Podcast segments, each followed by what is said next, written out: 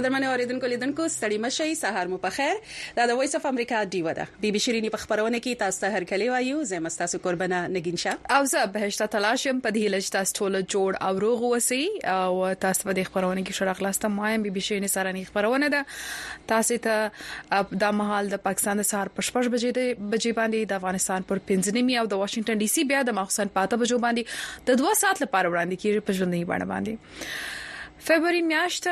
په سیمه کې درويشتمه د فروری ده او دلته بیا 22م تاریخ دی او خبرونه کې لکه څنګه چې تاسو هم خبرې چې په اوله برخه کې د خبرونې تاسو تازه معلومات وړاندې کوو په سیمه کې څه روان یا هم په نړۍ کې چې څه روان وي او همدارنګه بیا په دوامه برخه کې د خبرونې یو ځانګړې موضوع تاسو ته وړاندې کوو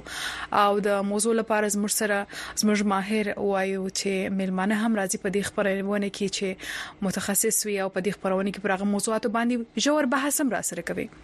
تاسو هم کولای شئ چې خپل نظرونه را سره شریک کړئ چې دا مهال د خبرونه پر فیسبوک او یوټیوب باندې هم په ژوندۍ بڼه باندې را روانه ده بالکل را روانه ده نو تاسو خپل نظرونه هم دلته را سره شریک کولای شئ یو بل لار هم ست چې ډیر اسانه ده او زما او د نګین جانې ملمانه سي او موږ ته ټلیفون وکړي او د ټلیفون شمیره به راته وایو 001 202 205 003 ورسره په یوټل سیټ او یابي باندې هم د ډیوا ټولې خپرونې تاسو کتلی شئ او د دې لپاره د خپلې ډیش انټینا مخ به 90.5 ختیځ طرف ته کړئ، چینل نمبر د یو سل درې. د خپرونې ړومبی ساعت کې ستاسو سره د سیمې او د نړۍ تازه خبرونه او راپورونه شریکوو، دویم ساعت کې بیا په خپلې ځانګړې موضوع خبرې کوو چې د فیسبوک کتونکي یې کتلی هم شي او د یوټیوب کتونکي، خو مخکې له دې چې مونږ خپلې موضوع ته ورځو په دویم ساعت کې او ویډیو راپورونو ته ورځو غواړو چې تاسو سره تازه خبرونه هم شریک کو نو بهشته جانې کدي خوخه ورشو خبرونه ته بس خبرونه ته ولار سنګین جانې او دا رومبه خبر چې دی اوریدونکو د سیمې سره هم د سیمې څخه را روان دي او څنګه چې اوریدونکو لیدونکو ټول د اکتوبر د اکتوبر ته ورسېدم د فروری پاتمه باندې چې کوم ټاکنې تر سره شوې دي دا غي نورسته ټول سترګې پلار دي چې د حکومت حکومت سازي به څنګه وي کوم اړخ ته به روان څه سبب وي نو په دې اړه د خبرونه را روان دي نو وربشو د پنجاب اړخ ته او د سین صوبو اړخ ته چې د پنجاب گورنر هاوس یو اعلامیه خبره کړې چې پکې ویل شوی چې د صوبې گورنر بلیغ الرحمن په 8 فروری انتخاباتو کې د پنجاب اسمبلی د نوو منتخب شوو غړو اجلاس د جمعې په ورځ سهار په 10 بجې را بللې دي دغه شان بیا د سیند صوبې ګورنر کامران ټیسوري هم د نومنتخب شوي صوبايي اسمبلۍ اجلاس د خالي شنبې په ورځ راغوښتلی دی. ګورنر ټیسوري وايي چې د خپل قانوني اختیار به استعمالوي او د سیند اسمبلۍ اجلاس یې د سحر یولس بجې رابللی دی. بلړښت ته د پاکستان تحریک انصاف، پي ټي آی، د پنجاب صوبې صدر او پخواني وفاقي وزیر حماد اظهر ویلي چې پارټي به د جمعې په ورځ د پنجاب اسمبلۍ مخې ته پرامنه احتجاج کوي. ښاغلي په انتخاباتو کې د ټګۍ تور لګولی او زیاتوي چې د ګوند امیدواران یې په فارم اووه څلوېښت م کې ناکامه بلل شوي دي. اظهر د ایکس یا پخوانۍ ټویټر د لارې د خلکو نه غوښتنه وکړه چې په احتجاج کې دې ګډون وکړي. او همدارنګه د پاکستان سپریم کورټ په یو اعلامیه کې ویلي چې د عدالت د یوې فیصلې په اړه غلط خبر لارې کوشش کیږي چې غلط فهمي پیدا کړي. پیدا کړي سپریم کورټ وویل چې دا سي تاثیر ورکول کیږي چې سپریم کورټ په فیصله په خپل فیصله کې د آئین په دویم ترمیم کې د مسلمان د تعریف یا د تشریح انحراف کړی دی عدالت ویل دغه تاثیر بالکل غلط دی د وی او ای دیوا د وی او ای اردو څنګه د خبر تر مخه د سپریم کورټ مشر چیف جسټس قاضي فایر عیسی او د جسټس مسرت هلالي دوه کسیزه بنچ په ورستي ورځو کې په یو مقدمه په خپله فیصله کې د مبارک احمد ثاني نومي تن په ضمانت د ازادېدو امر وکړ او د ثاني تعلق د احمدي ټولنې سره دی سپریم کورټ په خپل اعلامیه کې ویل د ریاست په ضد د مبارک احمد ثاني په مقدمه فیصله کې عدالت ویلي و چې کچيري د اف ايف آی آر الزامات صحيح هم ومنل سي نو بيا هم د دغو مادو استلاق په هغه نه کيږي سپريم کورټ په خپل اعلاميه کې ويل چې د مؤمنونو کتابونو په شایع کولو تر ټولو زیات سزا شپږ میاشتې قید دی خو ملزم د وړاندې څخه د یو کال په جیل کې تیر کړی دی نو سپریم کورټ د آئینی مادو اسلامي احکاماتو او د انصاف د تقاضو سره سم ملزم د آزادولو حکم وکړ د پاکستان د سیند صوبې های کورټ په ټول ملک کې د ټولنیزې رسنۍ ایکس یا پخوانۍ ټویټر بحالولو حکم کړی دی. پاکستان کې د تېرو خواوشا شپږو ورځو راهیسې د ایکس رسنۍ ته رسایي نه کېږي. زیاتره خلک وايي په وي پي اېن د ایکس رسنۍ کاروي. د سیند های کورټ چیف جسټس عقیل احمد عباسي د ایکس رسنۍ د بندیز ضد خواست باندې اورېدنه کړې او د پاکستان ټیلي کمیونیکېشن اتارټي ته یې د ایکس په ټول ملک کې د بحالولو حکم کړی دی. د ځايي مطبوعاتو تر مخه جرنلسټ ضرار کوړو، عمير رحيم شمسي او نورو عدالت ته د ايکس رسنۍ د بندېزه درخواست کړی وو. عدالت د ايکس رسنۍ بحالولو او په دغه اړه عدالت ته د رپورټ جمع کولو لارښوونه کړې ده. دغه شان بيا د امريکا د بهرنيو چارو وزارت د کانګرس غړو او د بيان د ازادۍ سازمانونو په پاکستان ټينګار کړی چې بيان ازادۍ ته په درناوي د ايکس په ګډون ټولې ټولنيزې رسنۍ بايد بحال کړي. او همدارنګه وګورو چې په نړۍ کې څه روان دي د اسرایل وایي چې په غزا کې د حماس سره د موقتی اوربنیا هم دزبندي او د شاوخوا سل يرغمل کسانو د آزادولو د پاره چې تر اوسه لا د حماس په ولقه کې پاتې دي نوي هلې ځلې روانې دي د اسرایل دفاع وزیر یواف ګالند د منځني ختیځ د پاره د امریکا استاذي ابریټ مکورګ مکګورګ ته د زیارت یا هم پنځشنبې په ورځ وویل چې د اسرایل حکومت به د يرغملو کسانو په مسله کې زموږ مذاکره کوونکو ته ورکړل سوي اختیارات زیات کړي. ګیلنټ پس د هغه دا خبرې وکړلې چې د اسرایل د جنګ د کابینې غړي بینی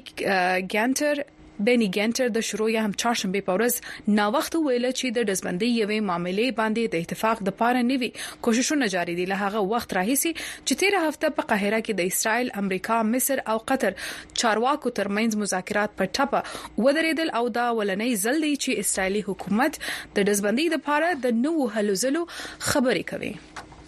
او د زیارت یا پنجشنبې په ورځ امریکا او برتانیې اعلان وکړو چې د نیټو د عمومي منشي په توګه د نیدرلینډز د وزیر اعظم مارک روت د ټاکل ټاکل کېدو ملاتړ کوي په دې سره مارک روت چې د وزیر اعظم عہده یې په ختمېدو ده د نیټو د عمومي منشي عہده ته یو ګام ورنږدې شو یو امریکایي چارواکي ویل صدر بایدن د نیټو د راتلونکي سیکریټري جنرال کېدو لپاره د وزیر اعظم روت نامزدګۍ حمایت کوي د نېټو نوې سیکرټري جنرال یا عمومي منشي به اکتوبر میاشت کې دغه عهده اخلي او دا دغسې یو حساس وخت دی چې یو طرف ته د روس په مقابله کې د اوکراین د جاري دفاع حمایت جاري ساتل کېږي او بل طرف ته په نومبر کې د امریکا د صدارتي انتخاباتو نتایج به هم رانږدې وي. دا و خبرونه اوریدونکو لیدونکو تاسو یې تفصیل هم ترلاسه کولی شئ موږ د سره صرف یو څو سرټکی چې دین او هغه در سره شریک کړل خو د دې نور هم تفصیل د ډیوا په ویب پاڼه باندې پروت دی وی وی ډیوا که تاسو ته لاسرسي براه راست نه لرئ نو ان ټي ایچ لینک د لارې هم ډاونلوډ کولی شئ ټلګرام اپلیکیشن هم شته وی وی ډیوا د واتس اپ چینل هم شته چې تاسو دا تعقیبولی شئ او لوستلی شئ ویب پاڼه خو ویډیو راپورونه وخت شوی دی بلکې راوس یو راپور او دا راپور هم د اسلام آباد څخه د ډیوی همکار شت حسین راته چمتو کړی دی چې د امنیتي او اقتصادي چارو ماهرین وایي چې پاکستان کې راتلونکي مرکزی حکومت د لوی امنیتي او اقتصادي چیلنجونو سره به مخ وي او چیرونکو وایي چې سیاسي بحران هم داسې روان وي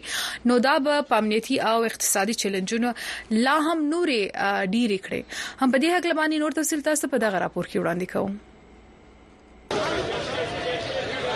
په پاکستان کې د شخړو او د امنیت د مطالعاتو څېړنیز غیر دولتي ادارې پاکستان انسټیټیوټ فار کنفلکټ اینډ سیکیورټي سټډیز تحقیقکار عبدالله خان وايي، د پاکستان د نوي حکومت لپاره به په ترهګرۍ قابو موندل او امنیت پر ځای ساتل لوی چیلنجونه وي. نوموړی وايي چې په تېرو څو کلونو کې په خیبرپښتونخوا او بلوچستان کې د ترهګرۍ په پېښو کې اضافه شوې ده. او د ترهګر ډلو د حملو توان هم سیوا شوی دی. بڑا چیلنج هوګا اس چیلنج کو. ترهګري او امنیت به د نوي حکومت لپاره یو لوی چیلنج وي او د دې لپاره به حکومت ته زیات کار کول وي. یو دا چې نوی حکومت به د افغانستان سره څه ډول تعلقات ساتي او څنګه تګلاره به جوړوي ولې چې پاکستان د یو خاص حد نه زیات د افغانستان سره خپل تعلقات نشي خرابولی او بل خبره دا ده چې په بلوچستان کې د موجود وسلوالو ډلو په اړه به نوې حکومت کم ډول پالیسي خپلوي پاکستان په دې وروستیو کې د ایران دننه خپل مخالف بلوچ وسلوالو په پټو ځایونو برید هم کړی وو او دا به یو لوی چیلنج وي چې نوې حکومت د افغانستان او ایران سره څنګه اړیکې لرل غواړي او د دغه هېوادونو څخه د راپورته کېدونکي امنیت چلینج مخه څنګه نیسي. د راپورونو تر مخه د روان کال په لومړۍ میاشت کې د پاکستان دننه وسله وال فعالیتونو کې یو سل دوه فیصدي اضافه شوې ده. د پاکستان انسټیټیوټ فار کنفلکټ اینډ سیکیورټي سټډیز په خپل وروستي رپورټ کې ویلي چې په جنورۍ کال دوه زره څلېرویشتم کې په ملک کې دري نوي وسله والو بریدونو کې نوي کسان وژل شوي دي. څېړونکي وایي چې د پاکستان راتلونکي حکومت که به یو خوا د سیاسي عدم استحکام د ننګونې سره مخ وي نو ورسره به کمزورې اقتصاد په خپلو خپو ودرول هم یو لوی چیلنج وي د اقتصادي چارو څېړنکاران وایي سیاسي او اقتصادي ننګونې د یو بل سره تړلې دي د اقتصاد پوه ډاکټر ساجد امین په اند راتلونکي مرکزي حکومت به شاید د پاکستان تر ټولو کمزور اتحادي حکومت وي او کتل به دا وي چې په مرکزي حکومت کې شاملېدونکې اتحادي ډلې به تر کومه حده د حکومت د سختو اقتصادي پرېکړو پر شا ولاړ پاتې شي. د راتلونکي حکومت ته به په اقتصادي محاذ دوه درې لوی چیلنجونه ورپېښ وي او دا چیلنجونه د سیاسي استحکام سره تړلي دي. لومړی دا که نوی حکومت آی ایم ایف ته د یو بل قرض تړون لپاره ځي نو د خبرو ایجنډا به یې څه وي او زما په خیال د آی ایم ایف سره به دا ځل مذاکرات ډیر سخت وي د مثال په توګه که آی ایم ایف وغواړي چې د تاوان سره مخ سرکاري ادارې دې شخصي څانګې ته ورکړل شي نو آیا د راتلونکي حکومت لویه اتحادي پارټي به د دې ملاتړ کوي او که نه او بل چې کوم لوی چیلنج دی چې زما په خیال تر ټولو زیات مهم دی هغه ګرانی کنټرول کول دي مونږ لیدلی چې د پی ټی آی او پی ډی ایم تیر حکومتونه د ګرانۍ په قابو کولو کې ناکام شوي دي او اوس هم ګرانی مخ په سیوا کېدو ده د پاکستان د خزانې وزارت روان مالي کال کې د پاکستان اقتصاد ته ورپېښ اته لوی خطرې په ګوته کړي چې پکې د پورونو مخ په سیوا کېدونکې پیټې د خسارې سره مخ سرکاري کمپنیانې ماحولیاتي ګواښ او میکرو اکنامیک عدم توازن شامل دي. په اسلام اباد کې د پاکستان د اقتصاد د څارنې یوې ادارې تبادله په یو وروستي رپوټ کې ویلي دي چې د پاکستان پورونه په مثال د یو بل اور دي. د ټولو قرضو او واجباتو په اړه د تفصیلاتو څخه ډک دغه رپوټ وايي، پاکستان یو سل شپږ ویشت اربه ډالره بهرنۍ قرضې او نور واجبات لري. د اقتصادي چارو ماهرین وایي دا وخت د پاکستان د زر مبادلې ذخیره اته اربه ډالره ده او دې هیواد ته به په راتلونکي شپږو میاشتو کې نږدې څلیریشت اربه ډالره بهرنۍ قرضې بیرته ستنول وي. ارشد حسین، وایس اف امریکا، ډیوه، اسلام اباد.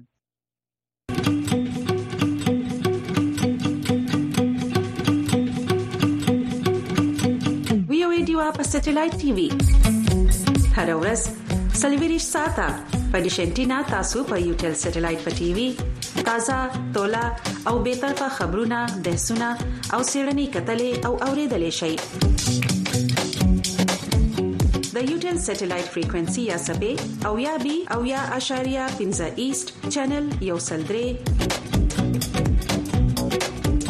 هر ورځ سلویری ساته لډي وسره اوسئ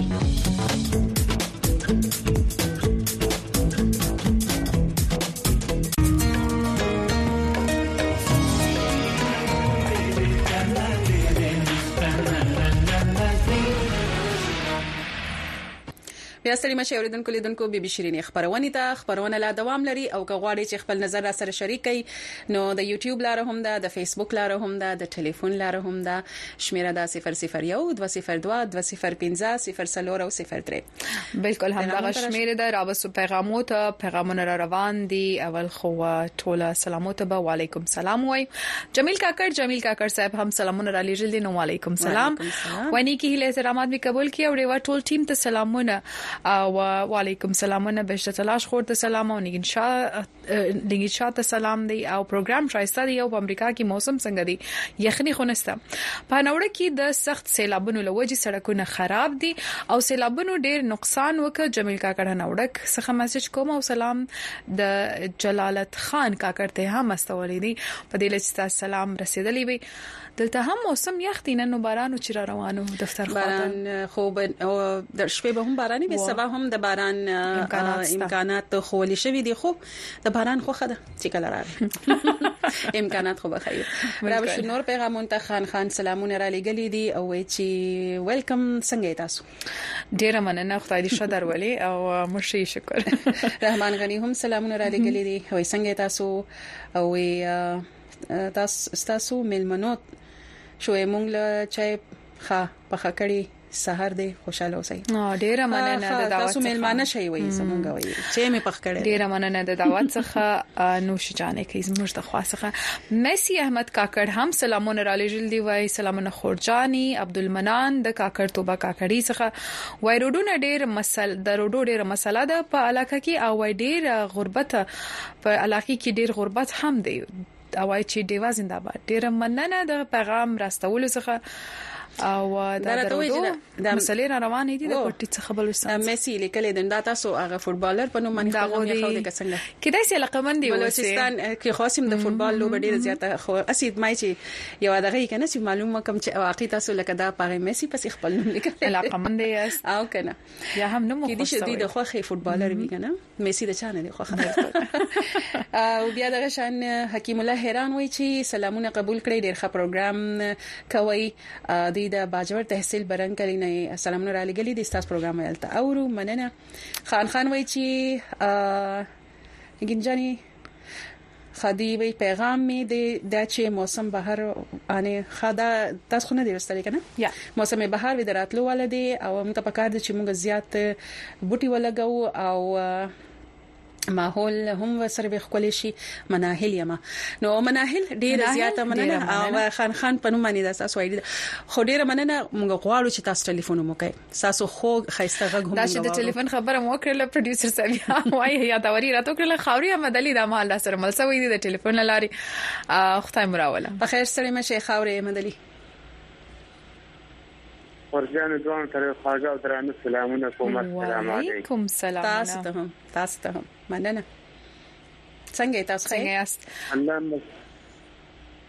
نن جوړه مه څنډم او ډیر په شوق باندې موږ دا قبایل خلک چې کوم دی دا ډیوه ریډو اورو موږ ته ډیر معلومات راکوي بل دسې ریډو او دسې اداره نشته چې موږ دا را احوال نه خبر ډیره مننه ډیره مننه چې دا خبرونه تاسو خوشوي هم دا خبرونه ستاسو ته پاره ده راته وایي چې څنګه دی په سیمه کې حالات څنګه دي هوا څنګه ده هوا خو واورې شوې او د هغې نه باد لګیږي هډوکي یې راله مات شول بس د اور نه نه خوځو ډېره زیاته یخني ده دا چې کله هم دغه د واورې شوې دي او ټول اوریدونکو وایي چې بارانونه هم شروع شو واورې هم وشوې او اوس موسم ډېر یخ شوی دی نو زه د یو دا پوښتنه کوم چې تاسو بیا کورونه څنګه ګرم ساتئ ځان څنګه ګرم ساتئ ولې چې زموږ اکثر د کورونو جوړښت داسې وي چې هغه انګړ یا غولې چې دی نو هغه داسې غټ وي کولاو وي هوا پکې تیزه لګي نو نو څنګه تاسو کور ګرم ساتي څنګه واړه بزرګان خپل ځان ګرم ساتي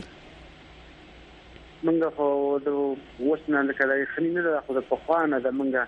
په اجرا کې بخاري لګو ملما او د مشر سړی په کې ناس یو بل په کال کې زمونږ د مشرانه کوټه معلومه د مور په کوټه کې هغه ته موږ راغونډو کې هغه کې موږ بخاري لګولې او د اوري نه موږ خشاکونه برابر کړي هغې لپاره راجمع کوئ یې او دا اوسنۍ ښځې چې کوم دي د دې موږ خپل خپل کوټو کې بس ګیس لګو دا بخاري کې نه لګوي دا چونی او دا رنگونه ورکړي وای دا بیا تورې دا اوسنۍ کور خایس کنه د کور خایس خو کوټه نه ناولي دا خبره خو مرشاو کړ دا د بخاریانو پاکول چې بیا د هیټرونو چې کړ د په خاصه توګه چې بیا د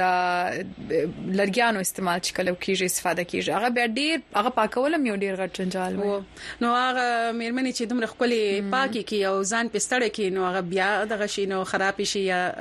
سخاخ کاریږي خو د ګیس سره احتیاط پکار دی د ګیس سره ډیر زیات احتیاط پکار دی بس موږ خو زنانه او تاسو خپل زنانه او ته چې صحت نه خو کوټه ضروري ده د ځان ضروري ده چې پسې ارته وټي کې بیا به بهشکه برا چې بیا به چونی ورکو بیا به بالکل دا څه دی دا وسنه جنکې نه مني وای نه کوټه خراب بس دا وخت سره هغه د ستړیا بدلی دی لکه دا بدلون دغه شانی راځي کنه واه ډیر مننه تاسو موږ په مومند کې چې کوم دینو ډیر زیات خواږه مینوال دي ستا پروګرام په شاو خو پرون یو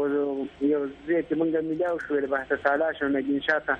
زمونږ سلامونه ویل وکړه ګل وعلیکم سلام فخر آباد وعلیکم سلام د مزینه کې نوراجان دي وعلیکم سلامونه زموږ به هم ډیر احترامات او سلامونه ورته وړاندې کوي خوري مدلې یو پښتنه پات شوی ده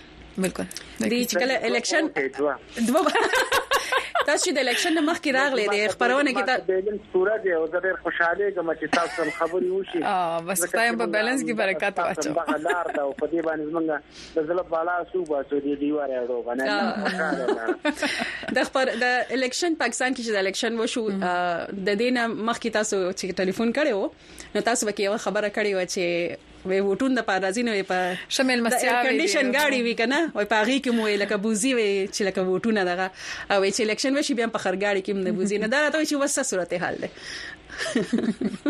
الیکشن خوش الیکشن شوه دی او خلک ډېر تاوانین شوی د پستر ګمونه دي الله پروات پرورای نه دی په لوم نه دي د پستر ګمون نه دي او په خپل هم لکه دار چې حکومت لا وسه پوری نه دی ساز شوی کنه هغه به هم پته مې چې ورګه د حکومت ساز شي او هغوی ته د خپل د رول پته ولګي نو هغې نه پس او بیا څه نه څه کوي کنه. په دا کومو خلکو چې ګټلي ده دوی هم زړه درزیږي چې خدایه پاکه اوس به څه کیږي هغوی هم زړه مطمین شوی نه دی او هرشي له زاوال شته دی مونږ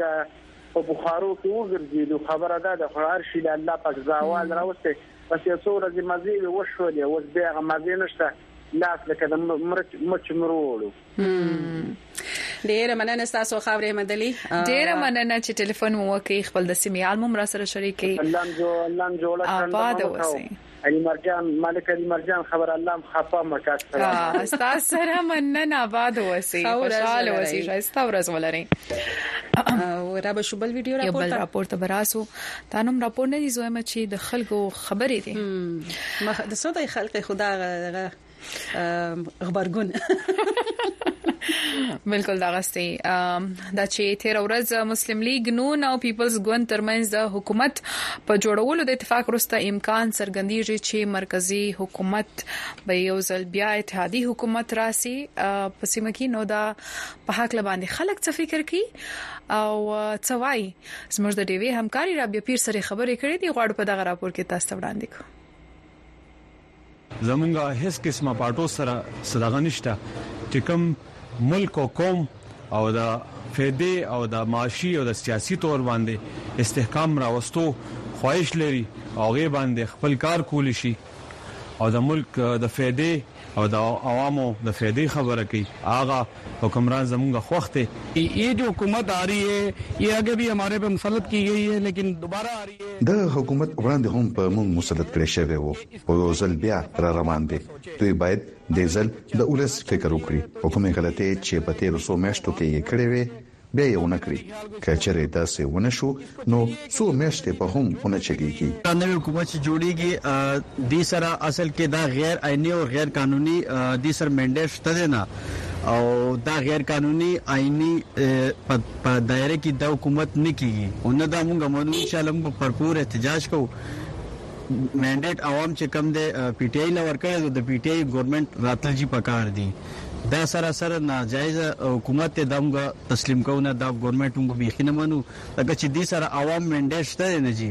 او چې عوام مینډیټ وسره نو موږ بالکل دی تسلیم کول دا پی ډی ایم او ماغه یو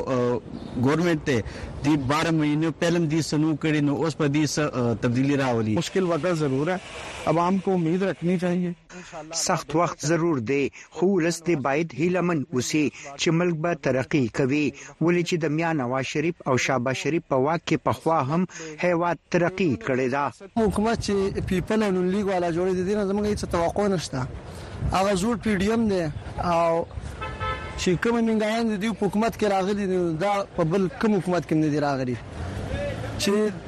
ډیر سخت یی تیری کړی تقریبا دا اووه اته میاشتی وشوی بی روزګار یو کار روزګار هم نشته دی او چی څه مثال دوه دری څلور سوه روپی ورځ دیاړی کوو او هغه هم الټا دسی چی قرضدار شو الټا نو د دې نه زموږ هیڅ دغه نشته دی خپل مفاد د پاره لګی دی دا دا امید پکار دی چې مطلب زموږ په واره کې چې لګ ارزانی راولي زموږ غریبان خلک د کوټه نه راغلي اسلام آباد چې مطلب موږ شی په دس روپی ملاویږی سه هغه په پنځه روپی مونږ ته ملاو شی په دی حکومت کی چی کوم حکومت راځی مونږ په هغه حکومت کی خوشحاله یو په مونږ یا پک نشته که یو وی که بل یی. د ډي وي لیدونکو تاسو د ډي وي ویب پاڼه په خپل موبایلونو کې د ان ټي ایچ لینک اپ د لارې خلاصولای شئ د دې طریقه به تاسو خو یو چې تاسو په آیفون او په انډراید فون باندې څنګه کولای شئ چې داغه اپ ډاونلوډ کړئ او له هغه ځای څخه د ډي وی ویب پاڼه وګورئ د ان ټي ایچ لینک اپ ډاونلوډولو لپاره که تاسو سره آیفون وي نو تاسو خپل اپل سٹور پرانځئ او که له تاسو سره انډراید فون وي نو تاسو ګوګل سٹور پرانځئ له هغه وروسته لټون کې ان ټي ایچ لینک ولیکئ او دغه اپ ډاونلوډ کړئ په دویم پړاو د آی اګری تڼۍ کیکاږي او بیا د فلګ لاندې د کنیکټ تڼۍ کیکاږي او په دریم پړاو کې بیا د اوکی تڼۍ یا بټن کیکاږي له کنیکټېدو وروسته تاسو د دې وی پاڼه پرانیزئ او د خپل خوښې خبرونه وګورئ او له هغه ځایه تاسو کولی شئ چې د خپل خوښې ټول پروګرامونه ریپورتونه او لیکنې ولولئ او وګورئ قدرمن لیدونکو اوریدونکو بیا هم درته ښه راغلاست بي بي شيرني سهارنۍ خبرونه ده دا مهال تاسو ته د سهار په وخت وړاندې کیږي او په اونۍ کې وای چې 15 ورځې دا خبرونه تاسو ته په ژوندۍ بڼه باندې شو وړاندې کیږي ښکارا کیږي وای تاسو اوري تاسو ویني او هغه ورځې چې دی د دوشنبه یا هم د ګل د ورسنیولې بیا د جمعې تر اوسه پورې چې نن ورځ ده نو نن دا خبرونه په ژوندۍ بڼه باندې تاسو وړاندې کیږي او سبا او بل ورځ بیا په تکراري توګه ده نو بیا داسني چې بیا خفاسي چې ولا ټلیفون نه کوو او ټلیفون سره پیاد سو سمر ګل د ملتان څخه ټلیفون کړی وو سمر ګل صاحب تاسو بیا هم ټلیفون کولای سي تاسو لیکه قاطع سو راوس پیغامو ته شپونکای پښتین چې د ګیله کړی دا وای سلامونه خويندو وای د پیښور څخه وای پرون می درته کمنټس کولو خو تاسو اونویل ډیر زوره ور وای ډیر زورور یې نو خیر دی نه نه راواسي نن به ولول ما ته مخه تاسو پیغام نه درغلی مو سو سو زلوی چې اکثر داسې شي چې پیغام نور پیغامونه چې راشي نو غزاړه چې دین بیا زمون سترګونه پنا شي نه ښکاریږي راته نو تاسو چې کله وګورئ چې پیغام نه دلوسل شي او زلوی بیا کاپی کوي راوي لګي موږ ته به مسانه شول چې موږ ته اکثر پته نه لګي خو موږ کوشش کوو چې ټول پیغامونه وایي چې پیغام پکې پاتې نشي او تاسو به اکثر کتلی چې موږ ته پوسو مو کوچی لکه وشجان دا پیغام خو دی ویلې خو نه دی کنه ویلې چې وای وایو کنه په دې غلطه کې نه پاتې نشي خو تاسو کولای شئ چې تاسو پیغام زموږ صفات سي هغه تاسو کاپي کې او بیا راوستوي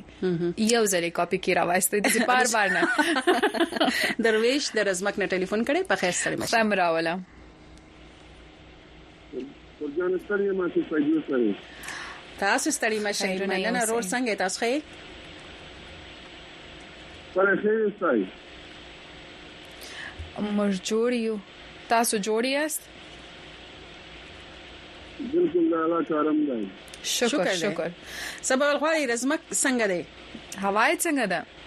واوري څنګه دی باران څنګه دی هوا دا اوس نو بخاره ته راځي ورپسې کړي دي ډېر ډېر زړه سړه هوا دا منفي کې سره چاليږي او منفي کې روانه ده د واورو د باران نه وروسته وي هوا ډیره سړه شوې ده نو بزان څنګه ګرم ساتي او کوټه او کورونه څنګه ګرم ساتي وي بخاری کې ملرګي ور کړی دی شا صحیح او هغه خبره وخت چې هغه خوري مدلي وي کنه بخاری استعمالونه ولا نو دا خو ډیر یخ دی الته ولا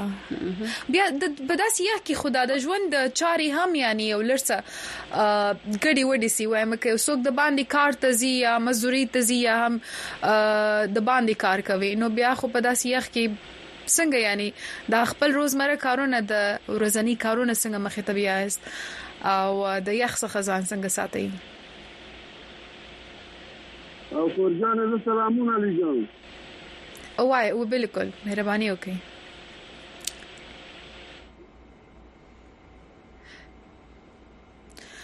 سلامونه لیږل لیکه که سقط شو ډیره مننه تاسو د ټلیفون او ډیره مننه پیغامونو ورخته جمشید باجوړي وی چې سلامونه او الله دې پاکستان کې امن او خوشحالي او اتفاق راولي مننه او فضل سبحان اورګزی مننه تاسو د پیغام څخه او تاسو یو څو مرګري دي چې هر ورځ وتا تاسو پیغام سلامونه لګي بس هغه تاسو سلام ولېګلې شو دا څه کې هغه د سره یو ځای کښنی د خبرونه ګوري نوې پیغام پکې مراولېګي ځان له واتس اپ ګروپ جوړ کړئ او ورسره لري چې سنوي پیغام ولګي هر ورځ د یو پیغامي صرف شیر پکې نه وي نو بیا ډیر مننه هم سلامونه را لېږلې دی وایزه د خبر زلینه یم تاسو خوندور پروګرام اورو خبرونه رپوټونه او نور معلومات ترینه اخلو د پاکستان سیاسي حالات ناساز دي د نوي حکومت منتظر یو خو د حکومت د جوړولو نه ټولي پلټي منکر شپارټي منکر دي چې د حیرانېدو خبره ده بلکې به پاول ځل داسې حال دی چې مخکش او د هر چا کوشش کولو کولو چې زموږ حکومت راسي خدا ځل بدل حال دی ډیره مننه افریدي صاحب د پیغام رسولو څخه نه دی لا مو چې سلامونه د کوم چشمه بنونه زما پلار شاد محمد عرف مکان ته د زړه د کومه وای د زړه د کور نه سلامونه نو تاسو بلار جان ته بس تاسو سلامونه رسیدلې ډېر ډېر احترامات مرتبه